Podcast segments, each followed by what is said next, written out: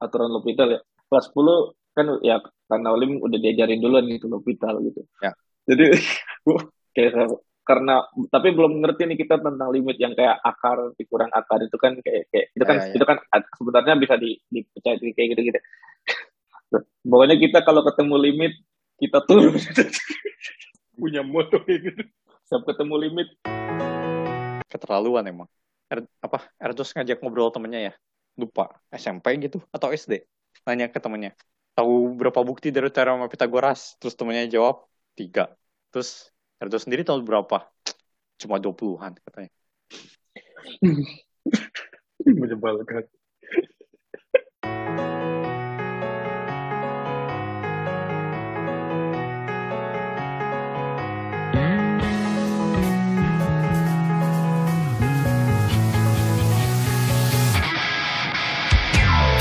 Selamat datang di podcast Bebas Kimia.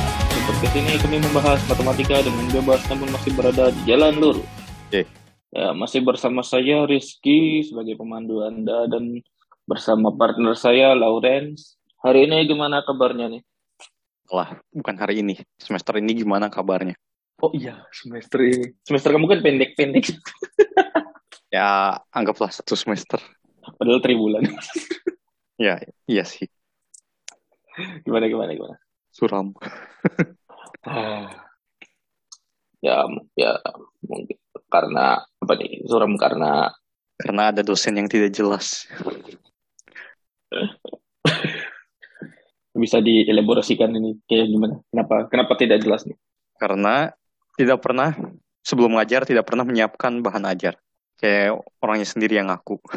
Datang ke kelas, buka laptop, terus buka bukunya, terus lihat sekilas-sekilas, eh bukunya ini bahas materi apa, teoremanya ini, dan apa yang dia tulis bukan dari bukunya, apa yang dia apa yang ada di otaknya dia aja. Terus sangat handwave dan cuma dia yang ngerti apa yang di pikirannya. Dan yang lebih bermasalahnya lagi, ngomong kebanyakan. Kayak ya materi ini, ya ntar ya ini sebenarnya ada yang ini ini, terus kayak ngom- ngomong doang gak ditulis gitu kayak ah dem. Kayak kayak lihat buku aja ya. Kayak kayak mending belajar dari buku aja itu kayak gitu ya. Sangat tepat. Jadi apa yang dilakukan di kelas, datang ke kelas, dosen ngomong, kita baca buku. Karena memang merujuk ke buku. Iya. ya enggak, gue gitu. Gue gue pernah ngajar. Gue pernah pernah mungkin nggak ngajar sih tutor sih levelnya ya. Hmm. Oh, kalau tutorial gue gue sih. kalau tutorial kan emang dia lebih ke ngerjain satu beberapa set soal gitu terus kayak dikerjain di kelas gitu gitu kan. Gue kalau kalau itu gue juga jujur emang jarang nyiapin gue. Jadi kayak kayak kalau stuck bareng stuck bareng deh. Hmm. Tapi ya gue terus oh ya semester kemarin gue juga ngajar sih bukan ngajar sih apa kayak percobaan gitulah kayak percobaan ngajar. Eh untungnya ya tidak ke- kelas kalkulus sih kelas kalkulus satu lah. Bahas, apa? Bahas, bahas luas. Luas grafik gitu gitu untungnya sih ya untungnya maksud untungnya si bukunya ini udah ada apa slide pelengkap gitu loh kayak eh apa namanya? Kayak supplementary slide gitu. Jadi kayak buat yang di, diajarin di kelas tuh ngikut sama kayak bukunya gitu. Untungnya untungnya gitu sih.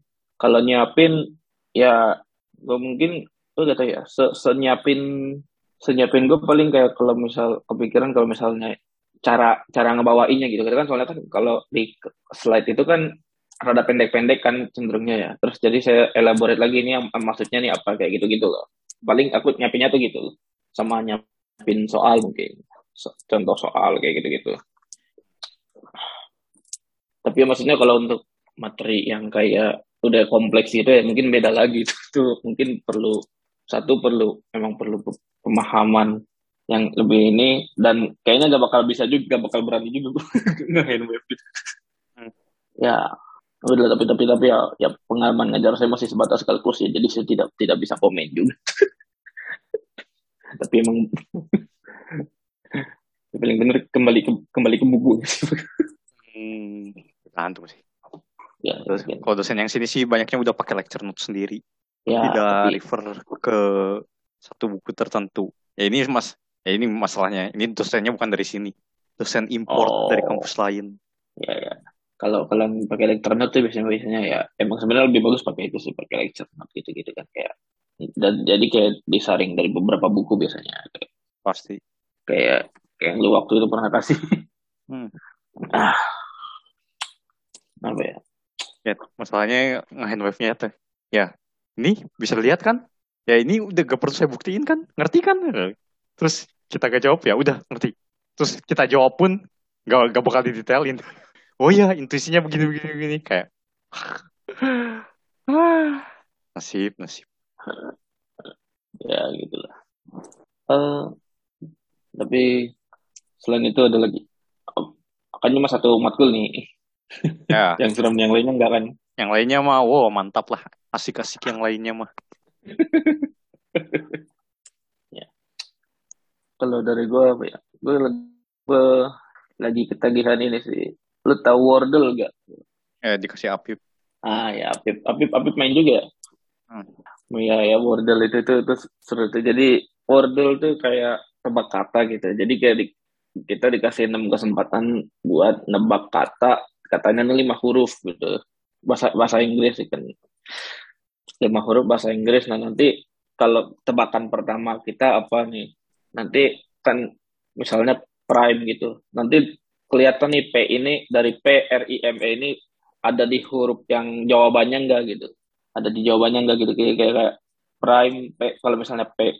Nanti kalau ada tandanya kalau P nggak ada di kata itu terus ada di kata itu tapi di posisi yang salah sama ada di kata itu terus posisinya udah bener kayak gitu gitu itu tapi untuk untungnya tuh dia serunya tuh dia gamenya sehari sekali sih jadi kayak di hari yang sama pasti katanya itu lagi gitu. Nggak nggak ganti-ganti jadi kayak bukan kayak game yang maksudnya ya lah kalau misalnya game kayak gitu kan sebenarnya cenderung kalau misalnya udah lama, mainnya lama tuh mungkin agak membosankan kali. ya tapi tapi ini bag, untungnya kayak ini gamenya sehari sekali gitu. Walaupun yang versi versi bisa versi ganti-gantinya tuh ada ada juga itu ada namanya World Master apa tapi itu, itu karena sehari sekali jadi kayak ditunggu gitu.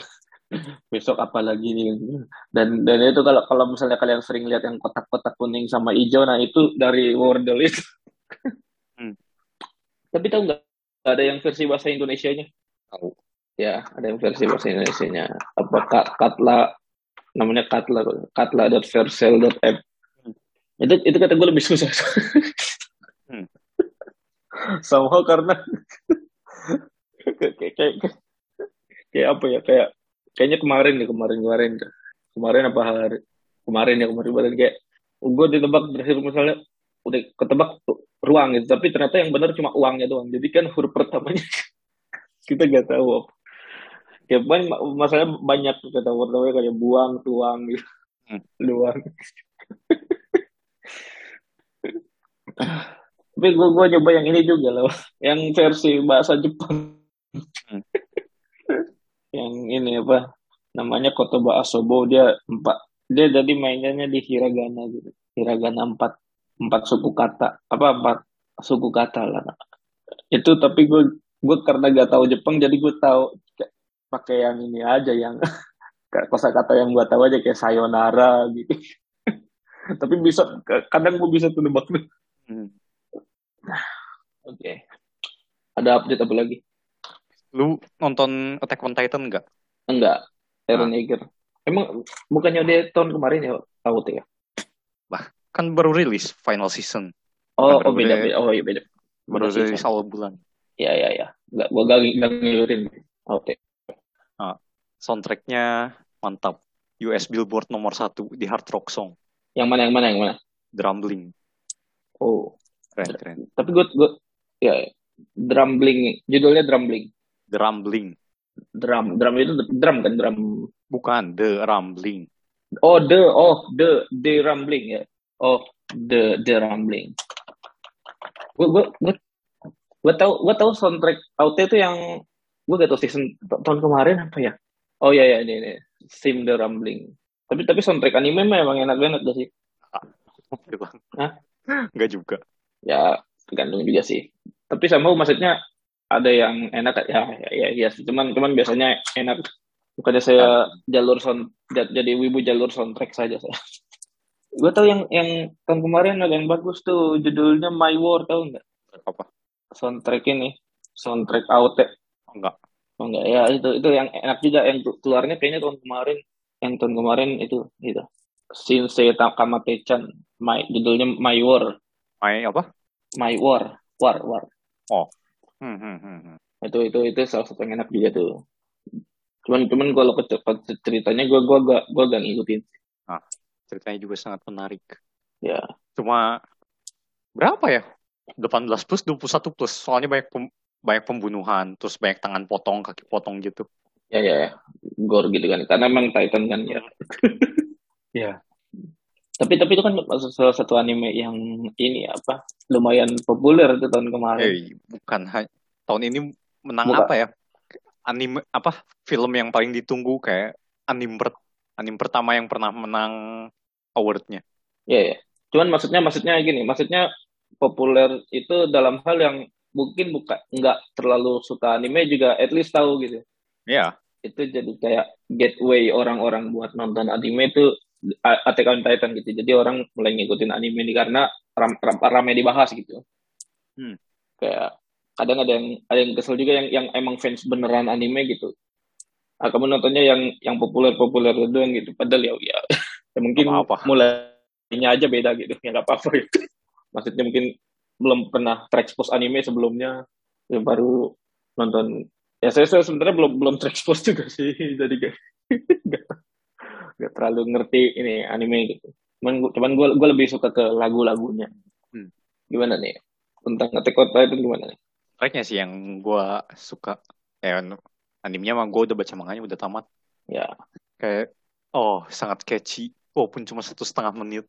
Terus yang mengejutkan ada piano cover yang gue suka lagi. Oh, kayak piano cover yang lain main mainnya masih sederhana ini piano cover yang ini, ini bagus banyak apa arpeggionya keren keren kayak banyak mengejutkan ya. hard rock metal ya, bisa di cover sama piano ya. keren keren coba coba cari ini apa kasih kasih nanti cover pianonya ke gue siapa tahu jangan-jangan ada lagu-lagu kesukaan gue juga lagi yang lain hmm? di cover coba coba nanti kirim cover pianonya yang mana atau hmm. di channel channelnya channelnya namanya apa dah ya apa ya tuh oh. coba ada ada lagu-lagu kesukaan gue juga gitu Channelnya Anim Pro Strip Anim on Piano. Oh, ya. Yeah, yeah. Tapi yang gue recommended mah Animens lah tetap. Apa? Animens. Animen Z. Animens itu itu dia cover cover juga. Ya. Terus ya oh. dia klasikan classically train. Jadi ngecover pakai tapi mainnya uh, style piano klasik, style lagu-lagu klasik. Hmm, ya. Menarik, menarik. Kadang-kadang ada ada yang gue gateway gue masuk juga dari cover dulu gitu hmm. Oke. gue tahu tahu tahunya dulu covernya duluan sebelum lagu aslinya oh ya gue juga yang di Animens gak pernah dengar sebagian besar tidak dengar lagu aslinya itu dengarnya yang Animensnya hmm. doang. Ya ya. Cuman lo, tapi emang lo lo juga suka kayak musik musik klasik gitu kan? Iya. Nah kalau kalau gue lebih ke cover metal sih. Cover metal apaan? Jadi kayak lagu pop dijadiin metal gitu. Jadi gue biasanya taunya tuh dari cover metalnya duluan. Oh. Ya. Oke. Okay. ada update apa lagi? Lagi ya? Oh gak ada kok dari gue oh ya gue tahu yang sebenarnya kalau dari Indonesia banyak tuh update kayak layangan putus tapi lu pasti gak nonton dan gue juga gak nonton gak nonton apa nggak ya, nggak nonton, nonton. Enggak. Iya iya iya. Gimana caranya nonton dari sini? Hmm. Itu tuh di ini kan di apa? Di di OTT sebenarnya. Apa kayak Netflix gitu cuman dia platformnya lain. Ya, terus kan tidak bayar itu kan bayar juga. Iya sih. itu itu jadi jadi ini juga. Tapi sebenarnya yang, yang mengejutkan ada ini tahu ada yang diduga perbudakan tahu nggak sih? Enggak. Jadi ada apa? Kayak eh, bupati gitu di udah kayaknya di jadi tahanan deh jadi tah, udah jadi tahanan terus di OTT KPK apa ya kalau oh, OTT KPK terus ternyata diselidiki ada ini ada uh, di apa rumahnya tuh ada ada kerangkeng gitu kerangkeng manusia yang kayak dia pekerja sawit gitu. Kayak katanya itu buat maksudnya kalau misalnya ya buat buat kalau kata itu buat buat rehabilitasi narkoba cuman masa sampai di kerangkeng gitu gitu. Kayak kayak jatuhnya jadi kayak perbudakan gitu. Itu udah, udah lama itu di di berita di mana-mana gitu. Kayak kayak gimana kayak kayak, kayak serem juga sih. Hmm. kayak kayak kayak apa ya kayak gue kira kayak kayak perbudakan itu kayak kalau kalau di cerita nabi-nabi kan ada masih zaman perbudakan gitu. Kayak memerdekakan budak gitu. Ini ternyata sampai sekarang tuh masih ada gitu hmm. tidak aneh sih. Hah? Tidak aneh kalau sampai sekarang masih ada. Enggak tapi maksudnya ya sebenarnya nggak tahu juga. Maksudnya kan kayak sekarang kayak bangsa-bangsa udah merdeka gitu. Kayak kayak tapi ternyata masih ada praktik kayak gitu. Ya pasti ada lah yang underground gituan mah. Tapi ya ya pasti underground juga. Kalau ketahuan. Iya ya. Sama update apa ya? Nggak tahu gue gue tapi baru tahu ternyata di di apa di Abu Dhabi ada serangan. Lu, lu tahu gak berita ini? Ada serangan pemberontak Yaman gitu. Da, diklaim diklaim katanya dari pemberontak Yaman gitu. Di Abu Dhabi dekat daerah bandara. Hmm. itu tuh gue kayaknya kemarin it, itu tuh kejadiannya minggu kemarin deh terus kayak gue gak tahu apa apa kan kayak gue bangun itu kayaknya pas libur deh pas hari bukan libur pas gue lagi gak ada kerjaan Jumat hari Jumat. Gue lagi kayaknya bangun bangun siang kan sebelum Jumatan. Terus tiba, Jumat apa apa kapan nih nah ya nah itu gue sebelum Jum, Jumatan gitu gue gue lihat buka-buka IG kan ternyata ada berita penembakan drone di di mana? Di Abu Dhabi buset. Ini berarti deket tempat gue. Abu Dhabi deket bandara sih gue kayak gue gue gak tau nih maksudnya kayak kayak ini apa, apa timur tengah mau gonjang ganjing lagi apa gue gue gak ngerti dan ya gue gue gue belum mempelajari ini juga tapi kayak ya sebagai orang yang tinggal di situ ya gue gue ngeri juga Iya. Ya oke. Udah gak ada update lagi ya? Nah, ada ada. Apa? Ada tapi sangat matematis. Jadi akhirnya saya belajar abstrak nonsense. Apa nih? Kategori teori. Ah, akhirnya Anda belajar kucing. Ya, tapi skip sangat banyak. Kayak oh. apa? Nggak belajar kategori dari nol. Belum, belum belajar kategori dari nol. Ada bu ada buku lain yang mau diberesin dulu. Dia belajar uh, cari aja di YouTube Condense Mathematics. Condense, condense itu berarti dipadatkan ya? Iya, yeah, kayak lucu bet. Kayak struk struktur okay. matematika dibikin di perumum jadi gitu kayak gitu gitu nggak sih? Apa? Kayak seingat gue kan kategori kan hubungannya sama kayak struktur matematika di ini di, di kayak sama dengan struktur matematika yang lain gitu. Cuma bedanya ini operasinya apa operasinya apa gitu. Iya nggak sih? Kayak gitu kan? Itu kategori. Nah ya kalau kondensi kayak kayaknya semuanya di, di dipadatin gitu. Ya nggak sih? Enggak. Jadi yang ya ini makanya lucu lucunya kondensi matematik kenapa? Karena di fisika ada kondensi metafisik ya di, di ICTP ada jurusannya. Kayak hmm, anda ada kondensi hmm. metafisik kami kondensi mathematics isinya belajar dari apa nih? Hmm? apa nih apa nih? Isinya apa? Isinya oh sangat abstrak. Kayak jadi yang cetusin ini dua matematikawan Peter Scholze sama Dustin Clausen. Ah, yes, jadi okay in, idenya uh, mendefinisikan ulang konsep matematika yang ada.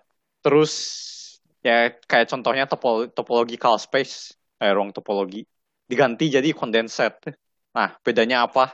Di condensed ini bisa lebih banyak dilakukan hal-hal untuk algebraic geometry gitu. Jadi bisa definisin shift, tar kategorinya lebih bagus buat algebraic geometry. Terus dari kondensat ini kayak analisis fungsional, terus kompleks geometri, bla bla bla, semuanya bisa dipakai bahasa kondensat. Jadi kayak benar-benar uh, pakai bahasa algebraic geometry. Jadi kayak ya fungsional analisis ya cuma algebraic geometry di kondensat yang bla bla bla bla bla. Kayak lol. Keren. Jadi kayak one one property for all gitu ya. Ya. Yeah. Terus di lecture note-nya juga di quote uh, dari siapa ya quote-nya?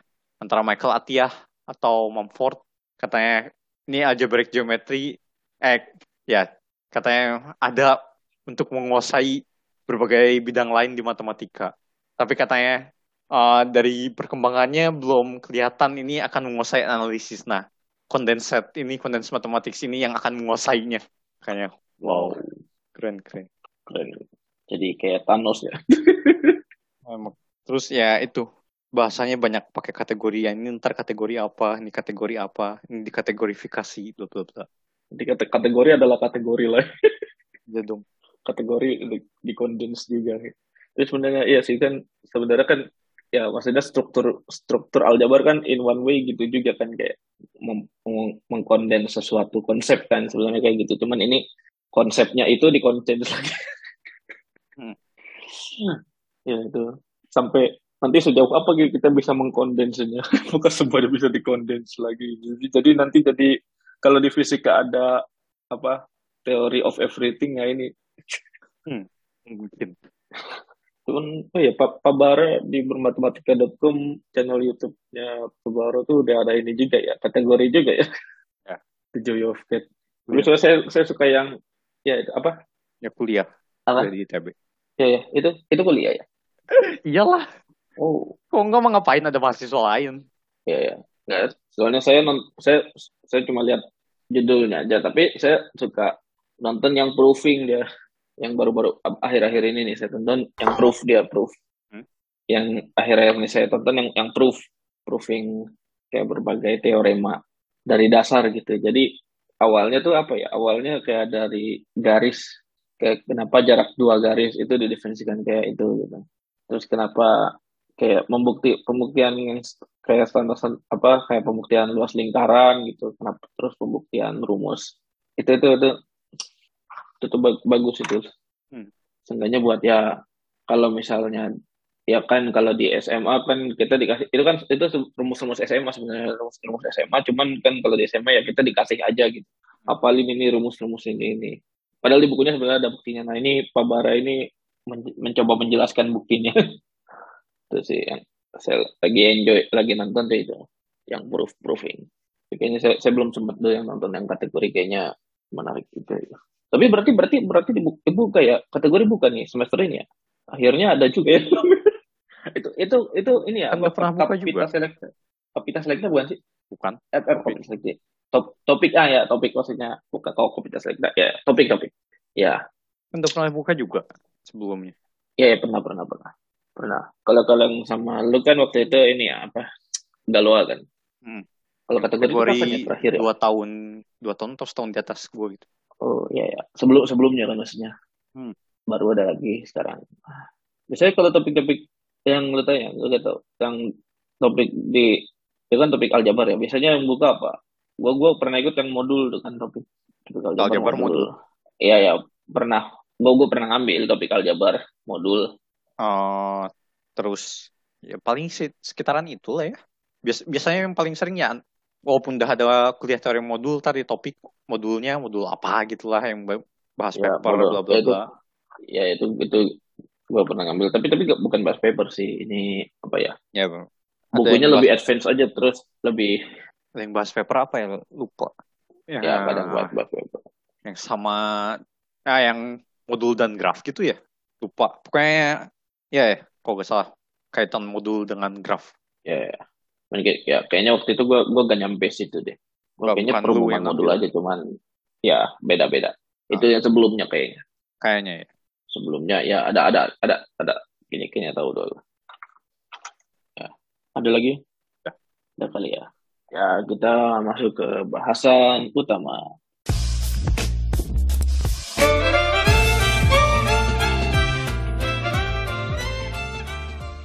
Nih hari ini kita mau bahas apa nih? Hmm, kita bahas uh, teorema definisi apa pun yang ada di matematika yang dinamakan tidak sesuai dengan penemu pertamanya. Jadi dinamakan oleh penemu yang kesekian.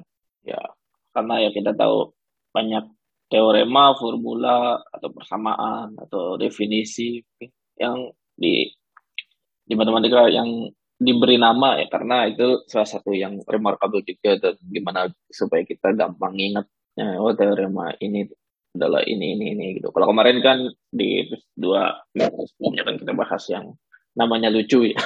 Hmm. Walaupun Bapak Tit kasihan sih bukan salahnya dia juga sih. Ya nasib lah. Mungkin kalau di Prancis juga biasa itu nama orang nama keluarga. iya. Terus ya tadi banyak ya, beberapa yang memang diberi nama berupa nama orang gitu, nama matematikawan, atau nama ilmuwan, nama. Nah itu kan biasanya kita beranggapan itu adalah nama penemunya atau setengahnya penemu pertama yang diketahui gitu ya. Ya. Nah, namun kadang ya teorema itu juga namanya itu juga nggak selalu nama yang pertama ternyata yang pertama ya. nemuin ternyata ada yang sebelumnya sudah pernah menemukannya. Nah, biasanya ini terjadi kalau misalkan ilmu pengetahuan suatu ilmu pengetahuan yang sama ya matematika kan ya cuma dari Eropa aja kan banyak di peradaban lainnya juga ada kayak atau bahkan di peradaban yang sama dikembangkan oleh dua orang yang mungkin nggak saling kenal gitu hmm. dua orang yang berbeda dan mungkin salah satunya lebih dikenal gitu ya ya atau ya lebih ekstrim lagi kalau misalnya ada dua peradaban berbeda ya sama-sama menemukannya secara independen gitu. Hmm. Terus, nah, dan ternyata lagi tiba-tiba. Nah, lalu ya ada juga kasus di mana orang yang disebutkan namanya sebenarnya tidak benar-benar membuktikan pernyataannya atau tidak membuktikan secara penuh pernyataannya, tapi memberikan inspirasi bagi penerus-penerusnya untuk membuktikannya atau memecahkan masalahnya. Beli dong. Hah? Ya, pecah berarti beli. Membeli. Ya. Kan per perang dunia dua pecah berarti kita mesti membeli perang dunia itu itu itu jok episode berapa itu? Saya lupa itu. Kayaknya ada masalah pecah-pecah juga. Ya. Saya lupa itu yang mana yang di, di balik jeruji nggak sih? Oh ya, yang di balik jeruji benar. Kan waktu itu lagi itu ya, ceritanya tentang orang-orang yang perang ya. Apa ikut perang itu gitu. ya langsung aja nih contohnya apa nih? Jadi yang pertama uh, aturan L'Hopital ya yang sudah belajar kalkulus pasti sering nemu ya kalau ada limit bentuk tak tentu L'Hopital apa-apa L'Hopital oh ada syaratnya L'Hopital sabar. Nah jadi aturan L'Hopital bunyinya begini jika limit x menuju c dari fx dibagi gx gf sama g dua fungsi terus dibi dibikin pecahan dari dua fungsi itu, terus kita limitin menuju suatu titik C. Dan si bentuk limitnya ini 0 per 0, atau limit X menuju C, GX-nya ini tak hingga. Jadi si efeknya ini nggak perlu tak sebenarnya. Yang penting si penyebutnya tak hingga, atau kalau si penyebutnya 0, pembilangnya harus 0 juga. Nah, dan si limit X menuju C, F aksen X dibagi G aksen X ada, Nah ini nih mesti dicek juga ini. Jangan L'Hopital tar ternyata limit F aksen dibagi G aksennya nggak ada. Gagal L'Hopitalnya. Nah, maka si limit X menuju C Fx dibagi Gx ini sama dengan limit X menuju C F aksen X dibagi Gx. G aksen X, ya. Ya, itu yang kita kenal dengan aturan L'Hopital. Nah, memang ini ditulis oleh Guillaume L'Hopital dalam bukunya Infinitesimal Analysis for Understanding Curve Lines, yang sebenarnya aturan ini merupakan hasil kerja dari Johann Bernoulli. Nah, Bernoulli ini uh, apa sih pembimbingnya ya, pembimbingnya L'Hopital. Ya. Yeah. Nah, jadi Johann Bernoulli dan L'Hopital ini mengadakan kontrak yang mengharuskan Johann, waduh, kalau Johann doang banyak banget nama Johann. Teman gue ada ya, yang Johann berapa nih? Saya lupa. Ini Johann yang yang yang paling terkenal. ah, wah, terus bikin lagunya Johan yang pertama. Nama namanya Johan. ya. Nah, jadi kontraknya harus mengharuskan Johan Bernoulli yang pembimbingnya L'Hopital karena cuma satu mengajarkan L'Hopital matematika dan membiarkan L'Hopital menerbitkan pekerjaannya atas nama dia. Ya. ya jadi sebenarnya kalau gak ada kontrak itu ini harusnya namanya aturan Bernoulli. Otot Bernoulli. Tapi Bernoulli kayaknya udah banyak juga nama di ya, aduh, distribusi kayak, Bernoulli. Nama nama saya udah sadar kebanyakan oleh uh, kakek saya, bapak saya. Ya udah, Iya. kasih aja lah. Satu aja ke papa. L'Hopital. Vital nih. tapi ini ini aturan yang nggak tahu tapi emang kadang ya bener sih kadang suka serampangan dipakainya Iya. kayak padahal gak, gak nol per nol loh, tiba-tiba L'Hopital lah Iya. Tapi kalau gak nol, gak nol per nol bentuknya mah ya masih bisa kan. Ya nol per nol juga kan mesti dicek. Abis Iya, diturunin uh, penyebut sombong bilangnya ada limitnya enggak? iya. Ada kayak gitu juga gitu.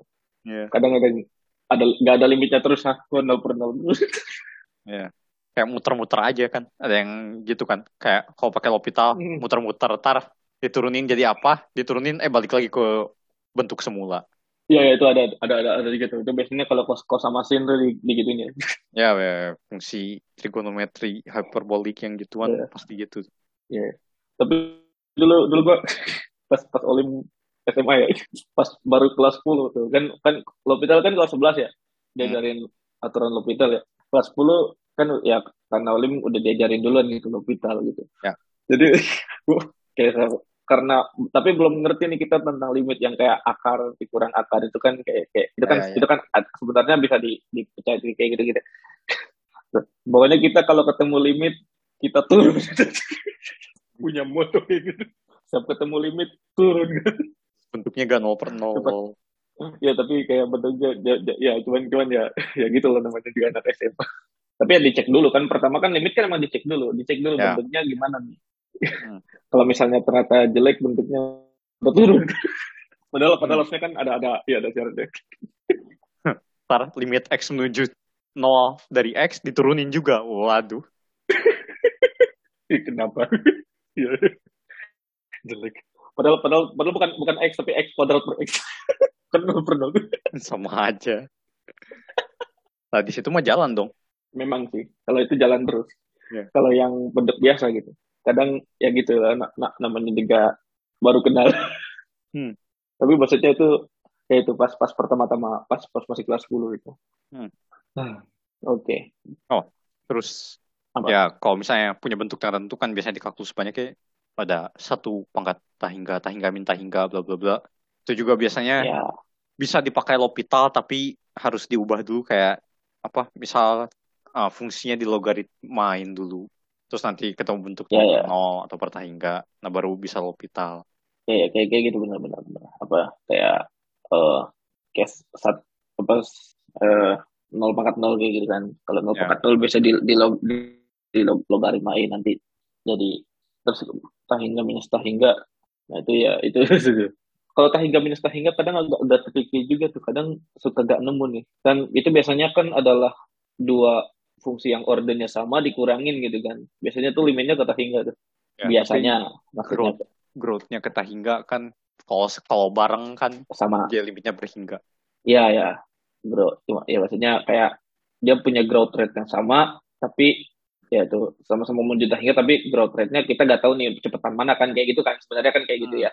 Tergantung growth rate kedua. Itu makanya makanya kayak harus dicari apa kayak kalau biasanya kan akar akar dalam akar akar akar kurang akar gitu kalau kalau soal soal SMA ya terus kayak dikali per per, per ininya gitu per apa namanya sekawan yang kayak gitu, gitu. Oke, ada lagi. Lalu selanjutnya ada persamaan pel. Apakah ini adalah persamaan untuk membersihkan lantai, adalah kurang Bukan. sama nyapu persamaan nyapu, persamaan nyuci piring? Iya. Jadi persamaan pel ini adalah persamaan yang bentuknya x kuadrat dikurang n y kuadrat sama dengan satu dengan n-nya berupa bilangan bulat positif. Bilangan bulat positif yang bukan kuadrat dan bu- yang bukan kuadrat bilangan bulat lainnya. Nah, nanti yang pengen kita cari adalah solusi bulat dari x dan y. Jadi kayak persamaan Diophantine ya jatuhnya ya. Kita pengen nyari solusi bulat x dan y-nya. Nah, sebenarnya persamaan-persamaan seperti ini sudah dipelajari sejak lama nih oleh orang India oleh Brahma, Brahma Gupta sejak abad ke-6 Masehi. Namun kalau di Eropa sendiri yang pertama kali menyelesaikan persamaan tersebut adalah William Brown Kerr. Nah, terus dari mana di PL ini? Ternyata Euler Euler juga mempelajari persamaan seperti ini. Nah, cuma Euler ini salah mengatribusikan hasil dari William Bronker ini dengan hasil dari John Pell. Nah, soalnya John Pell ini juga mempelajari persamaan ini, tapi bukan beliau yang pertama kali menemukan buktinya gitu. Kayak beliau bingung ini antara Bronker sama jadi kayak beliau ngutip dari tulisan lain, tulisan lain ini kayak dia confusing gitu, dia bingung jadi dari Bronker apa dari Pell gitu. Oh, saya tulis dari Pell saja. Hmm. Jadi ini mis misattribution ya sebenarnya. Hmm. Nah, sebenarnya ada nah, sebenarnya bukti yang lebih rigor ini dihasilkan oleh Lagrange ya. Jadi buktinya buktinya apa? Buktinya yang pengen dibuktikan apa? Jadi apabila n bukan bilangan kuadrat, maka persamaan Pell tadi persamaan yang bentuknya x kuadrat dikurang n y kuadrat sama satu ini selalu punya hingga banyaknya solusi dari x, y. Nah, kumpulan solusi ini, kumpulan solusi X, Y ini, kalau misalnya kita bikin pecahan X per Y, kita bisa gunakan untuk mengaproksimasi akar N. Karena kan hiperbolik ya. Kalau hiperbolik kan dia apa ada garis ada garis asimptotik kan gitu kan X. Kayak dia asimptok ke suatu garis kan. Nah garisnya ini gradiennya ini akar N. Akar N atau seper akar N. Jadi dia karena mendekati garis ini si X per Y ini bisa diaproksimasi untuk mengaproksimasi akar M. Oke, lanjut. Dulu nih. Apa? Lagrang orang mana? Lagrang orang mana ya? Ntar saya belum cek. lanjut, lanjut. Dari namanya orang mana? Orang Prancis bukan? Ah, aslinya padahal betul. orang Itali. Oh. Mengejutkan kan? Kenapa? Karena Lagrang itu nama yang diadaptasi ke nama Prancis. Nama asli Lagrang Giuseppe Luigi Lagrangia. Oke, okay, hmm, benar. Lagrang kayaknya ya kayaknya Lagrangia. Ya, oke. Okay. Terus lahir di Turin, tapi ya emang pada akhirnya pindah ke Prancis sih. Terus namanya diadaptasi jadi Giuseppe Louis Lagrang. Oh, tadi apa namanya Luigi? Giuseppe uh, Luigi Giuseppe. Lagrangia. Oh iya, iya. Giuseppe kan Joseph ya, Joseph uh -huh. Luigi, Luigi apa Luis, Luis. Nagrang ya. Ya. Giuseppe ini Giuseppe Giuseppe Buffon. Eh, Luigi tuh. Salah. Kok Luigi udah jadi kiper? Iya, Luigi. Tapi tapi kalau nama adaptasi nama kayak gitu ada yang aneh tahu ini enggak? Ada yang ada yang lebih aneh lagi tahu enggak? Tahu ini Matthew Cash backnya Aston Villa. Oh iya, Matius Duit. Ya, Matius Cash Cash itu kan ya cash tunai. Hmm. Nah, dia kan jadi ini, dia tuh jadi pemain Polandia karena ada keturunan Polandia. Ah. Nah, terus dia diadaptasi namanya jadi Mat Mateus Gotouka. Nah, Gotouka itu adalah bahasa Polandia buat Gotouka ini nama Pola, bahasa Polandia untuk cash. Agak jauh juga ya. iya jadi case-nya di, di literally diterjemahin sebagai gotouga hmm. jadi kalau kalau Lagrang kan masih masih deket-deket tuh namanya kan hmm. jadi seperti itu ya bu Oke, okay. nah, lanjut. Nextnya ada persamaan Euler dan bilangan Euler. Nah, jadi persamaan Euler nih persamaan yang pertama kali dipelajari harusnya. Kalau belajar analisis kompleks kan ada pengenalan bilangan kompleksnya. Nah, persamaan Euler bilang kalau X bilangan real, F pangkat IX sama dengan cos X plus I sin X. Nah, tapi sebenarnya persamaan ini ditemukan lebih dahulu oleh Roger Coates, Roger Cotes. Ya. Nah, sama juga nih sama bilangan Euler yang E sama dengan 2,71828 sekian. Ini juga sebenarnya ditemukan pertama kali oleh Jacob Bernoulli yang saat itu membahas bunga majemuk yang dibayarkan secara kontinu. Nah, tapi Euler sendiri meninggalkan banyak kontribusi di matematika dan fisika, sehingga beberapa penemuannya diberi nama uh, orang pertama yang menemukannya setelah Euler. Jadi karena Euler yang berperan penting, jadi namanya Euler aja. Ya, Euler sendiri kan banyak punya nama ya di sini ya. Ada namanya ada ternyata ada yang bukan dari dia aslinya, tapi namanya dia juga ada yang oh ya udah kita punya konsensus masih nama ini ke orang pertama yang menemukannya atau meneliti setelah Euler gitu karena ya ini persamaan Euler satu kita gunakan persamaan Euler satu untuk memecahkan ini, lalu kita peroleh identitas Euler dua. Hmm. Walaupun nggak masalah juga sih, cuman kan itu bingung juga kalau. Okay. ya kayak ini aja, sebutkan uh, minimal lima teorema di analisis kompleks teorema Cauchy. Udah. Kenapa banyak? Ya bener kan? iya. Kayak hampir semua teorema di analisis kompleks itu namanya teorema Cauchy. Ya bener ya Cauchy yang nemuin. Yeah, Terus yeah, ya udah nggak yeah. dinomorin teorema Cauchy. Cauchy integral formula, Cauchy ini, Cauchy itu. Ya udah Cauchy udah aja. Kalau nggak apa apa nama apa nama teorema kalau nggak ditemukan oleh Euler ditemukan oleh Gauss lega oleh Cauchy hmm. sama ini sebutkan 10 matemat nama matematikawan Bernoulli ya. oke okay. selanjutnya ada Schroeder-Bernstein Theorem.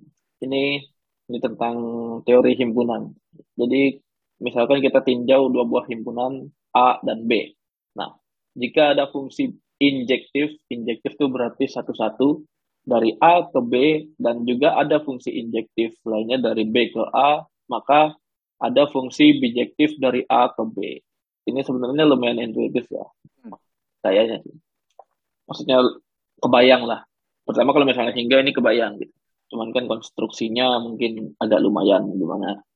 Nah ini pertama kali dicetuskan oleh George Cantor pada 1887 ini tanpa bukti tapi. Jadi ini mungkin dipost sebagai problem atau konjektur nah lalu dibuktikan oleh Dedekind Dedekind apa Dedekind Dedekind di tahun yang sama namun Dedekin tidak memberitahu siapa-siapa nih tentang buktinya. Ya.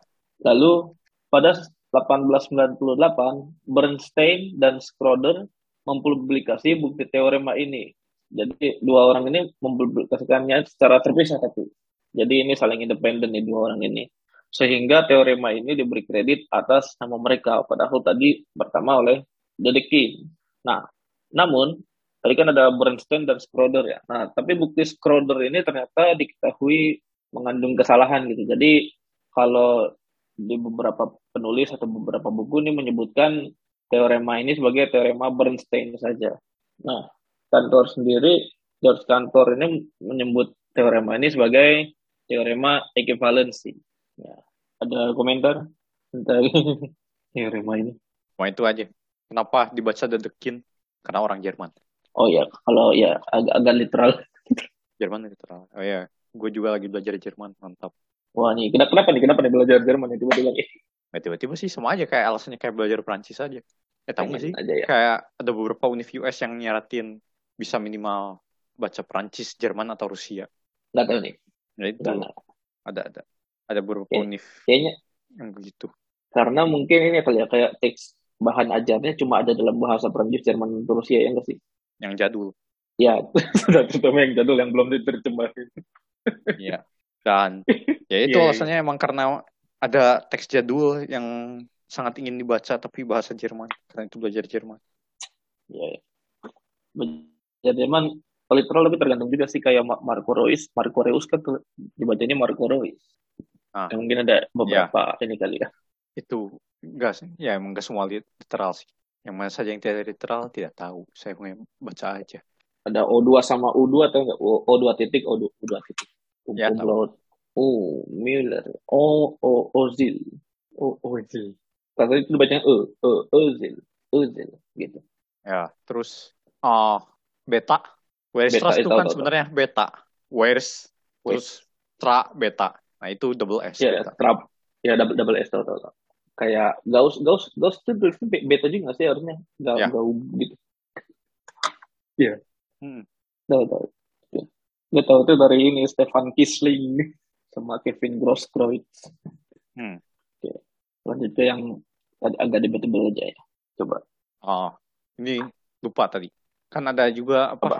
kan tadi ada yang dinamakan oleh nama Euler padahal Euler bukan penemu pertama tapi ada juga ya yang yeah. dinamakan oleh nama orang lain Padahal Euler yang bahas duluan. Ya. Contohnya Riemann zeta function. Cuma ya, itu Euler. ya Euler cuma tapi Euler cuma yang jauh pas real doang kan. Yang pas kompleksnya sama ya. Riemann. Ya. Itu tuh yang ada kaitannya sama ini kan kayak kayak kalau misalnya diganti dua eh, apa Riemann zeta kan kalau misalnya zeta dua gitu kan kayak sama seolah-olah kalau di ini kayak satu tambah satu kuadrat tambah dua kuadrat tambah tiga kuadrat kayak gitu gitu kan. Tambah satu per dua kuadrat.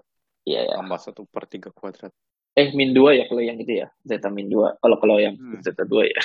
Ya ya satu per satu kuadrat tambah satu per dua kuadrat. Ya ya ya oh, ya Euler yang situnya betul betul ya terus lupa. Euler juga gitu yang ngejokes zeta min satu sama dengan min seper 12 di satu tambah dua tambah tiga tambah empat tambah lima seterusnya sama dengan min seper 12 satu per dua belas ya wow Iya, itu kan yang yang sempat dibilang ada yang apa misleading karena apa kayak kayak sebenarnya awalnya tuh dari satu tambah satu min satu tambah min satu, tahu kan? Satu min Ya. satu tambah satu tambah min satu, sebenarnya setengah gitu. Malahan setengah itu juga sama salahnya Iya yang yang kayak gitu-gitu. Tapi ternyata kayak, kayak- tapi yang itu maksudnya kayak di jumlahin apa dengan apa aritmatika yang agak ngawur kok hasilnya bisa ekivalen dengan Riemann zeta gitu. itu yang, yang Ya, amazing sih itu sebenarnya. karena karena analytic continuation kan Ya, mungkin. Ya, ya, betul betul betul. Oke, nah di sebelum ini ada beberapa hasil lain. Nah sebelum ke situ ada dua hasil ya yang agak gede, yang Iya. bisa dibilang apa ya kayak bukan nama bukan nama yang tertukar juga, bukan nama yang yang salah juga, tapi kayak cukup debatable gitu. Apakah pantas dikasih nama ini atau enggak? Ya, kayak contohnya Hmm. teorema Pitagoras. Ya, tahu lah ya teorema Pitagoras. Kau punya segitiga siku-siku, terus hipotenusanya, panjang hipotenusa dikuadratin sama dengan uh, panjang sisi satu dikuadratin plus panjang sisi yang lainnya dikuadratin. Nah, ini kan dikasih nama teorema Pitagoras. Walaupun ya sejarahnya uh, bukan Pitagoras yang pertama kali bilang statementnya, ya tapi menurut sejarah yang diketahui, Pitagoras adalah yang pertama kali membuktikannya. Nah, jadi dan, dan bisa juga bukan Pitagoras yang buktikannya kan karena ya, yang udah dibahas di episode 85 kan bisa jadi muridnya yang buktiin juga. Iya, muridnya atas nama Pitagoras. ya, tapi atas nama Pitagoras ya, kayak Bernoulli sama L'Hopital lah. Cuma ini bukan perjanjian diperbudakan. jadi ya ini sebenarnya kan udah dicetusin lama juga ya katanya.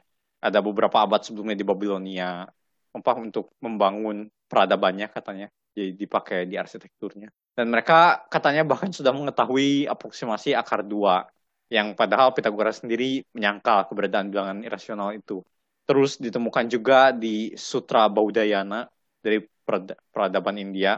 Nah, sama ini juga uh, diketahui mengeta ap- apa sudah tahu aproksimasi akar dua. Terus katanya kalau nggak salah di Cina juga sudah sudah ada yang nyetusin uh, apa yang tentang statement teorema Pitagoras ini. Iya, iya, ya, ada ada. Aproksimasi akar duanya sih enggak ya. Ada bukti visualnya juga kalau nggak salah yang dari Cina tuh. Bukti Iya. visual buat segitiga tiga empat lima. Ya, ya. Nah, meskipun begitu, ya, jadi tetap aja yang diketahui sejarah yang membuktikan pertama kali atas nama Pitagoras. Dan sekarang pun sudah sangat banyak bukti teorema Pitagoras yang diketahui. Nah, jadi ada buku namanya The Pythagorean Proposition karya Alicia Scott Loomis. Alicia pakai H, Scott S C O O T, Loomis L O O M I S. Itu memuat Bukan disebut, 370 disebut. bukti berbeda dari teorema Pitagoras. Ya. Nah, di antara yang pernah membuktikan teorema ini adalah salah satunya Einstein waktu masih berusia 12 tahun. Terus ada juga Leonardo da Vinci dan ada juga salah satu presiden Amerika yang terdahulu yaitu James A. Garfield. Wow, jago Garfield. Kucing bisa membuktikan teorema Pitagoras. Bukan kucing. Garfield kan Spiderman. Siapa Andrew? ya? Itu Garfield ya. The Amazing Spider-Man. Nah, ini soal teorema Pitagoras. Kalau ada yang pernah baca biografinya Erdos, keterlaluan emang. Er, apa Erdos ngajak ngobrol temennya ya? Lupa, SMP gitu atau SD? Nanya ke temennya, tahu berapa bukti dari teorema Pitagoras? Terus temennya jawab, tiga. Terus Erdos sendiri tahu berapa? Cuma 20-an katanya. Menyebalkan. Tapi emang kalau 20-an dari 370 sih cuma ya memang. Tapi SD atau SMP ya. Tapi ya SD atau SMP susah juga sih. Maksudnya membuktikan. Gimana cara membuktikan rumus Pythagoras ke anak SD misal. Ya paling ya pakai bukti visual yang itu gak sih yang kita. Enggak lah. Dia Yang- tahu bukti rigor. Ya. Ini nggak nggak, maksudnya kalau misalnya ke anak SD gitu. Kan kan Pythagoras kan dari SD nih. Oh tergantung anak SD-nya siapa. Ya, ya jangan anak SD Indonesia lah, jangan anak SD jangan anak SD ini Lah siapa tahu anak SD-nya anak Terence SD. Stamp. Rainstorm. Terus ya fun, fun fact-nya adalah ya itu lo- logo podcast kita tuh juga bukti visual Pythagoras ya. Hmm. Dengan ya dengan modifikasi itu bisa jadi bukti visual Pythagoras. Oke. Ada lagi? Next. Lanjut ya. Lalu ini juga salah satu yang debatable ya. Hmm. Ini adalah Fermat last theorem atau teorema terakhir Fermat yang berbunyi jadi tidak ada bilangan positif, bilangan bulat positif A, B, dan C yang memenuhi A pangkat N tambah B pangkat N sama dengan C pangkat N untuk N bilangan bulat yang lebih besar dari dua. Nah, ini kenapa kita masukkan ke sini karena ini teorema dalam tanda kutip dan tanda petik ini teorema ini dinyatakan oleh Fermat dalam salinan buku Diophantus yang berjudul Aritmetika salinan punya dia jadi ditaruh di sebuah margin sebuah margin kecil di bukunya ya dan dinyatakan bahwa ya saya tahu saya punya bukti untuk teorema ini tapi tempatnya tidak muat. Tempatnya tidak muat untuk buktinya. Ya jadi jadi ya ini membuat matematikawan bertanya-tanya hingga tiga abad kemudian pada 1995 Andrew Wiles membuktikan teorema terakhir Fermat ini yang mengantarkannya memperoleh silver, plaque dan Abel Prize pada 2016. Nah ini kenapa lumayan debatable karena yang kalau kata lu ya ya ini emang yang menyatakan pertama memang Fermat gitu. Cuman dia kan tidak membuktikannya sendiri gitu. Tetap istilahnya tetap konjektur Fermat gitu ya. Ya. Tapi tapi penasaran nih maksudnya masih beneran nih maksudnya kalau misalnya apa eh yang konjektur yang ah, kasih nama apa sih collapse kan misalnya ya collapse ya. Collapse konjektur kalau misalnya ada yang ngebuktiin jadi namanya jadi collapse teorem gitu ya karena beliau yang Enggak lah. pertama kali mencetuskan gitu. Apa gimana? Enggak lah sejak kapan. Ya enggak lah. Kalau namanya konjektur sudah dibuktikan ya udah konjekturnya terbukti. konjekturnya terbukti tapi maksudnya bukan jadi tapi jadi suatu teorema kan akhirnya kan kalau terbukti gitu Iya, teorema Atau- ya teorema yang ngebuktiinnya lah. oh jadi teorema ini Lu gue baca chat ya. ya ya ya ya, ya. cuma ya nggak gue baca cuman cuman ini menarik buat perdebatan aja siapa tahu bisa buat di sini gitu Nah, yang enggak sih. Yang enggak ada hubungannya sih. Ya ini kan namanya Fermat last theorem gara-gara Fermatnya ngeklaim dia punya bukti. Ya kalau orangnya nggak ngeklaim punya bukti ya udah konjektur aja namanya. Atau kayak Riemann hipotesis, hipotesis saja. Yang ntar kalau udah terbukti ya gak ganti nama Riemann theorem lah. Ya tetap namanya Riemann hipotesis, cuma dibuktikan oleh siapa? dibuktikan oleh oh, tetap punya yang membuktikan tetap punya nama di situ gitu akhirnya dibuktikan oleh ini gitu Ya tergantung juga mau ngasih nama atau enggak. Iya sih. Soalnya kayaknya ya gue gak tau ya di luar di luar linggo matematika, di luar di luar ini matematika mungkin nggak banyak yang tahu yang ngebuktiin apakah Fermat-Less theorem. Oh kayak soalnya aku mikirnya gitu kayak kayak oh Fermat-Less theorem oh yang ngebuktiin siapa Fermat bukan kayak gitu loh. Bukan. Ngerti gak sih? Makanya kayak kayak rada misleading gitu loh. Ini siapa bukan bukan Fermat gitu kalau misalnya kita bicara sama orang yang di luar matematika gitu ya. Hmm. Yang oh penemu teorema ya makanya makanya ini kita sebut ya episodenya kan teorema yang tertukar gitu ya ini kayak siapa yang menemukan teorema terakhir Fermat dan kalau anda nanya gitu ya, bukan Fermat lagi kayak ngerti Fermat bener. ya gitu Kan dia bilangnya yang menemukan doang kan, bukan yang membuktikan. oh ya ya Kak. siapa yang ya, kalau kalau menurut siapa yang membuktikan teorema terakhir Fermat kan jawabannya bukan Fermat gitu kalau kalau di quiz quiz gitu ya oh Iya. Kayak kan ada quiz-quiz menjebak gitu. Oh, Hmm. soal, soal, soal jebakan kuis ini. Ya makanya ini debatable karena namanya Fermat-Last theorem karena Fermatnya sendiri nge-state dia dia punya buktinya. Ya cuma tidak ada orang yang percaya sih. Karena bukti Andrew Wells sangat ribet. Uh, toolsnya sudah pakai matematika yang canggih dan belum ada bukti yang sederhananya gitu kan zaman Fermat ya masih apa ya? Masih Belum benar-benar ada, aritmatik iya. biasa aja. Ya belum ada apa sih dia pakai modular form kan. Belum Ya. belum ada modular form zamannya Fermat. Hmm. Kayak dulu Fermat bukti yang di otak Fermat tuh kayak gimana? Soalnya dia gak nulis bilangnya, oh marginnya gak cukup. Bilang aja takut Hmm. salah. Oke. Selanjutnya ada apa nih? Ya, jadi ada eh, yang lain-lain. Ada yang pertama segitiga Pascal yang kita tahu kalau kita tulis dalam bentuk segitiga. Jadi jumlah, jadi bilangan yang agak ada di bawah. Ya, ya, pokoknya kalau kita tunjuk satu bilangan yang bukan di puncak segitiganya, ya bukan di baris pertama dan kedua, terus bukan si satunya juga. Itu adalah penjumlahan dua bilangan yang di atasnya, kanan kirinya, di atas kanan kirinya. Nah, ini katanya sudah diketahui di India oleh Pinggala sejak sebelum abad kedua sebelum Masehi. Terus diketahui juga di Persia oleh Al-Karaji dan Omar Khayyam pada abad 11, di Cina oleh Xiaxian dan Yang Hui pada periode waktu yang sama, serta di Itali oleh Niccolo Tartaglia pada abad ke-16. Nah, Pascal sendiri baru menulis terkait segitiga Pascal ini pada Traité du Triangle Arithmétique yang terbit pada 1665. Ya, jadi deh banyak sebenarnya yang udah tahu tentang ini cuman Pascal yang dapat namanya. Hmm. Tapi kalau misal di, di katanya kalau kalau di Cina namanya ini segitiga yang Hui. Padahal yang pertama jas ya.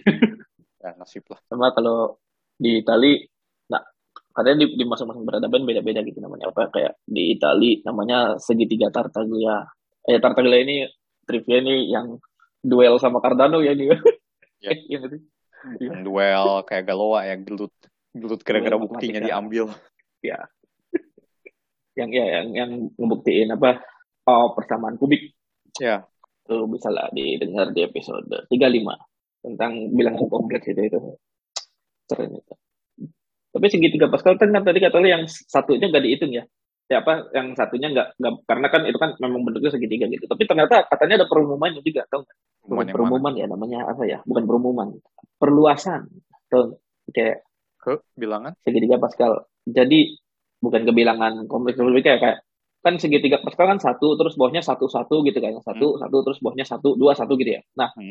kalau satu ini kita consider sebagai bilangan gitu ya. Jadi kayak nanti ada nol gitu, nol nol nol nol gitu. Jadi sebelah kiri kiri satu itu ada nol tuh, ada nol semua. Nah nanti katanya di satu ini bisa didapetin dari nol atau satu gitu kayak satu yang di puncak itu nan ya itu tapi kayak kayak jadi gue gue lupa di mana ya di Tripluan Bro apa di Matologer ya. Ah. itu jadi kayak itu kayak jadi satu plan gitu plan penuh kalau segitiga kan satu slice aja tuh ya Ya. satu slice aja kalau itu jadi kayak plan penuh gitu terus jadi ada enam kopi gitu enam, enam kopi segitiga Pascal. Eh tiga kopi segitiga Pascal dipisahkan dengan lautan nol. Tapi gue lupa itu di video yang Buat apa? gue kata itu kayaknya ada itu tapi kayaknya ada ada ada ada penggunaannya juga tuh. Jadi kayak diterusin gitu. Segitiga Pascal kan ya kita tahu lah cara nurunnya cuman itu diterusin lagi gitu ke atas gitu.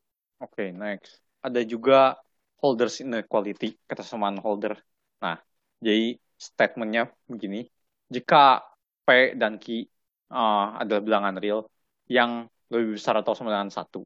Sebenarnya bisa juga P sama Q-nya ini salah satunya bisa tak hingga juga, nggak masalah. Dengan konvensinya kalau tak hingga satu per, kalau misalnya P-nya tak hingga satu per P jadi nol. Hmm. Terus P Q yang diambil tadi antara 1 sampai tak hingga ini memenuhi satu per P tambah satu per Q sama dengan satu. Nah, maka untuk uh, vektor atau fungsi uh, ya sebenarnya apa ya disebutnya kelas ekuivalensi fungsi kali ya. ya vektor kan fungsi juga kan sebenarnya Oh, enggak. Kalau di LP kan yang ditinjau kita kelas ekuivalensi, bukan benar-benar fungsi. iya ya kelas betul betul betul Jadi kalau misalnya punya F di LP, JF-nya ini yang bisa diambil salah satu representasinya sih. Cuma ini kelas ekuivalensi fungsi. Terus G di LQ, ya JF di LP itu artinya integral atas real atau apa pun tergantung ini LP apa. Misal kalau LP real, integral atas real dari uh, mutlak F dipangkatin P itu uh, berhingga. Sama G di LQ juga artinya kalau integral atas real mutlak G dipangkatin Q itu berhingga, maka berlaku uh, integral dari mutlak FG perkaliannya. Kurang dari sama dengan integral mutlak F dipangkatin P, terus integralnya dipangkatin super P, dikali integral G, eh, mutlak G dipangkatin Q, terus semua integralnya itu dipangkatin super Q. Nah itu kalau di notasi yang udah belajar uh, LP species notasinya itu apa namanya double double bar ya double garis Norma, ya, tegak ya norm. ya norm yang notasinya double garis tegak terus yang FG ini ada subscript satu buat menunjukkan kalau dia di L1 itu kurang dari sama dengan norm F terus subscript P dikali norm G subscript Q nah ini pertama kali ditemukan oleh Leonard James Rogers sebenarnya pada tahun 1988 dan Otto Holder membuktikannya secara independen setahun setelahnya. Ini sebenarnya apa ya promoman dari Coach Squares ya.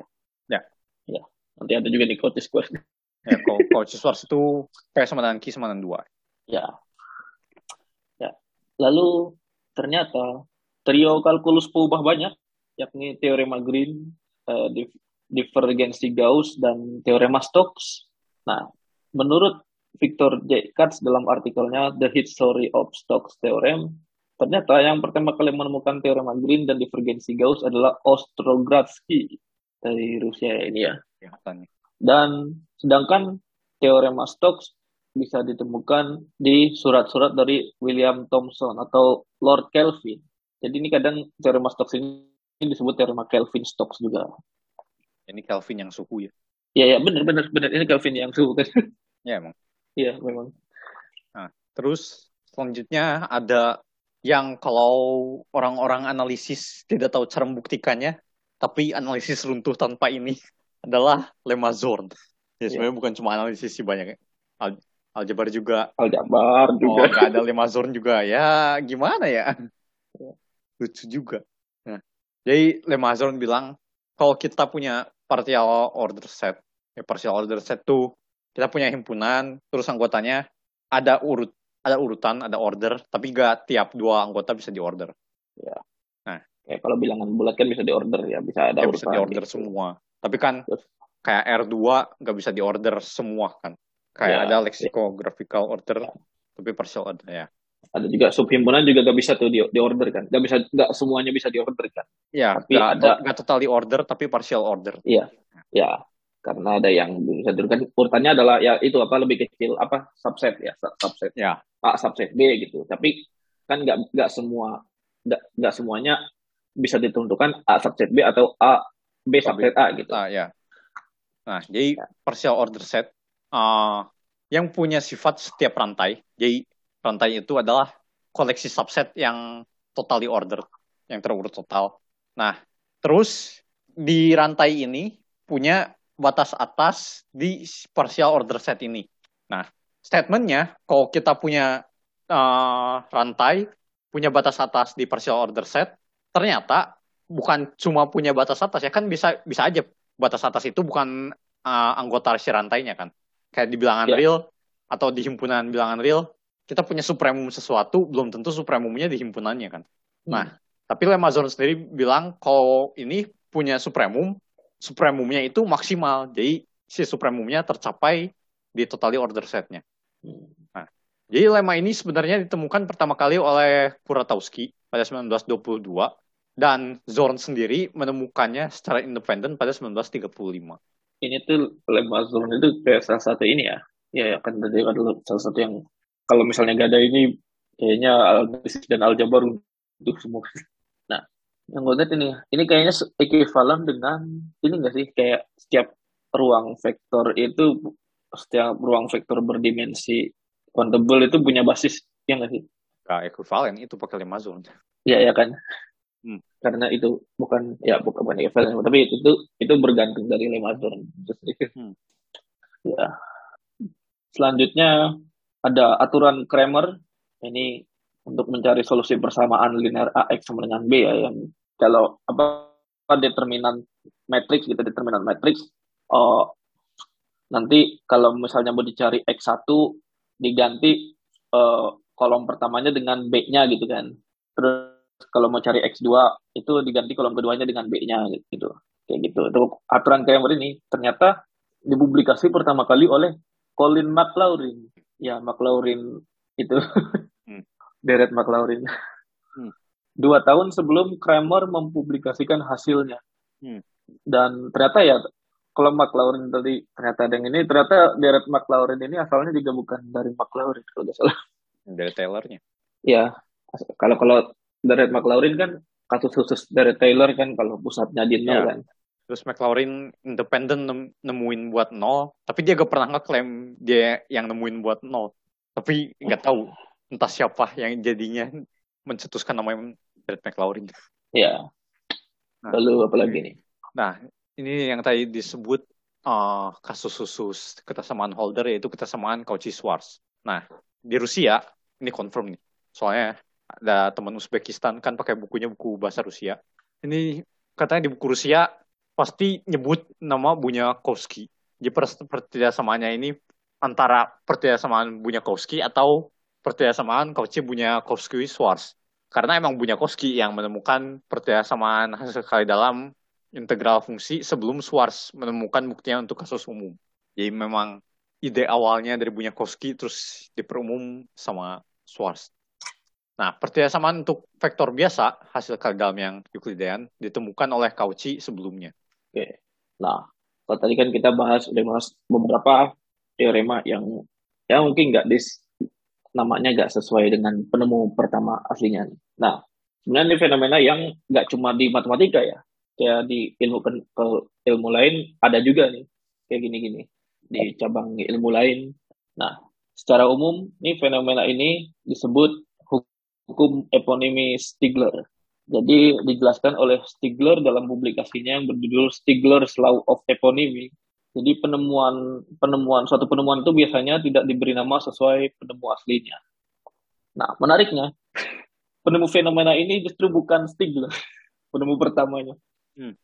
Jadi Stigler sendiri mengatribusikan fenomena ini kepada Robert K. Merton. Nah, gimana nih Robert K. Merton nih gimana? Nah, jadi dia mencetuskan istilah efek Matthews, Matthew effect. Untuk fenomena ini, di mana dalam konteks penemuan biasanya rekognisi atau apa ya, rekognisi ini pengakuannya yeah. diberikan kepada ilmuwan yang sudah established ketika terjadi kolaborasi atau penemuan yang saling independen yang ditemukan oleh ilmuwan dan peringkat dalam tanda petik atau tingkat rekognisi yang berbeda. Ada juga fenomena terkait di mana ilmuwan laki-laki lebih mendapat rekognisi daripada ilmuwan perempuan. Contohnya efek Matilda. Terus ya contohnya ini misalkan suami istri yang bekerja terus tetapi hanya suami yang dapat kreditnya atau misalnya dapat penghargaan ya mungkin hadiah Nobel gitu diberikan hanya kepada seorang atau sekelompok laki-laki meskipun laki-laki itu bekerja dengan perempuan juga di risetnya. Nah, contoh yang paling ekstrim adalah Ben Bares, uh, double R, seorang neurobiologis transgender yang pindah dari perempuan ke laki-laki yang karyanya lebih dihargai ketika dia sudah menjadi laki-laki. Oh. Ya, hanya mungkin di dunia pendidikan yang zaman nggak tahu ya, ya zaman dulu mungkin belum se equal sekarang ya kayak kayak kalau di matematika yang sama perempuan yang dikenal mungkin apa Sophie Germain kita pernah bahas yang kita pernah bahas apa Sophie Germain sama Noether ya yang kita pernah bahas ada eh? contohnya kok yang perempuan terkenal juga Marie Curie suami istri dapat Nobel. Ah ya, itu juga Marie Curie itu salah satu yang ya itu di kimia. Ya, Curium. Siapa bilang? Kan Marie Curie Nobel 2, fisika sama kimia. Ya. Nah, cuman cuman itu itu itu kalau nggak salah Marie Curie itu yang yang ini gak sih yang yang dia pengorbanan gak sih kayak dia ya bukan sih pengorbanan apa? Itu kayak gue lupa ceritanya kayak beliau tuh meninggal karena radiasi gak sih? Uh-huh. Ya ya ya itu maksudnya pengorbanan apa kayak untuk mempelajari radiasi itu dia menem, dia berhasil menemukan apa gitu penicillin apa ya? Oh. Ada itu itu yang terkenal itu. Cuman gue lupa. Saya mau nggak pengorbanan sih emang kepapar aja pas di risetnya. Iya ya, ke, ya kepapar. Bukan ya bukan pengorbanan tapi ya karena itu meninggal tapi hasil risetnya itu bisa ya itu bermanfaat gitu buat orang banyak gitu Hmm.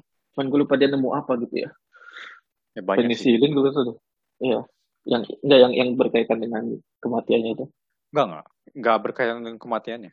Enggak berkaitan. Ya, soalnya penemuannya udah sebelumnya. Yang penisilin oh, iya, lagi. iya. oh beda beda oke Terus terkait fenomena Stigler ini, ada quote menarik yang katanya berasal dari Mark Twain. Nah, ini nggak tahu deh kalau bukan ya berarti misattribution lagi memang Ya, kalau bukan ya berarti terbukti fenomenanya. Nah, jadi quote-nya ini katanya gini. Butuh ribuan orang untuk menemukan telegraf, mesin uap, telepon, dan penemuan penting lainnya. Nah, orang terakhir menambahkan sentuhan kecil dan dialah yang jadi terkenal. Orang-orang sebelumnya dilupakan. Dari sini kita bisa belajar bahwa 99% hasil dari ilmu pengetahuan adalah plagiarisme dan seharusnya itu membuat kita rendah hati. tuh ya. Sebenarnya satu ya kalau misalnya kita berhasil ya itu kita rendah hati. Tapi kalau misalnya kita ternyata gagal ya nggak apa-apa. Seenggaknya kita sudah menjadi inspirasi gitu kan. Ibaratnya kayak ada pahala jariahnya lah gitu lah. Sehingga orang terakhir dengan mungkin ya kontribusi kita kecil gitu. Tapi kalau dengan kontribusi kita bisa menginspirasi atau membantu orang lain ber, berkon- mem- membuahkan kontribusi besar ya itu juga udah sama bagusnya gitu. Gimana gimana? Pendapat? Bukan plagiarisme kali ya. Lebih ininya ya kan tetap juga perlu mengerti orang-orang yang di zaman dulu kerjanya kayak gimana gitu. Bukan bukan literally plagiarisme nyomot nyomot doang.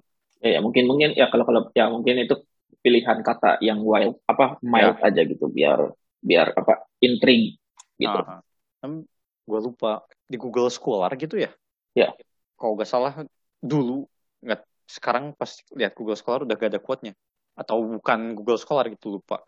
Eh, ada quote-nya pas masuk Google Scholar stand on the shoulders of giants. Ya. Nah, jadi kita emang yang mau melakukan riset ya kita berdiri di bahu raksasa. Karena raksasanya ini adalah para pendahulu kita gitu. Ya kita li bisa lihat dari giants itu Ya. pemandangannya kayak gimana ya terus kita baru bisa ngelakuin risetnya. Ya yang nggak ada lah ya. Zaman sekarang riset literally dari nol gitu gak ada referensi sama sekali. Terus tiba-tiba boom aja jadi. Ya kan pasti ada uh, yang pengal- pengalaman dari para pendahulunya. Ya dan ya itu ya itu ya itu ketika kita berhasil itu membuat kita lebih rendah hati. Dan ketika kita nggak berhasil ya itu membuat kita berbesar hati. Ya ada lagi? Nggak.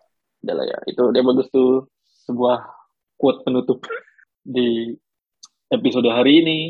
Ya kalau misalnya kalian suka konten-konten kami kalau suka episode ini atau episode-episode lainnya bisa di share ke teman-teman kalian. Dan jangan lupa di follow di Twitter at bebas linear, di Instagram at podcast bebas linear, dan sampai jumpa di episode berikutnya.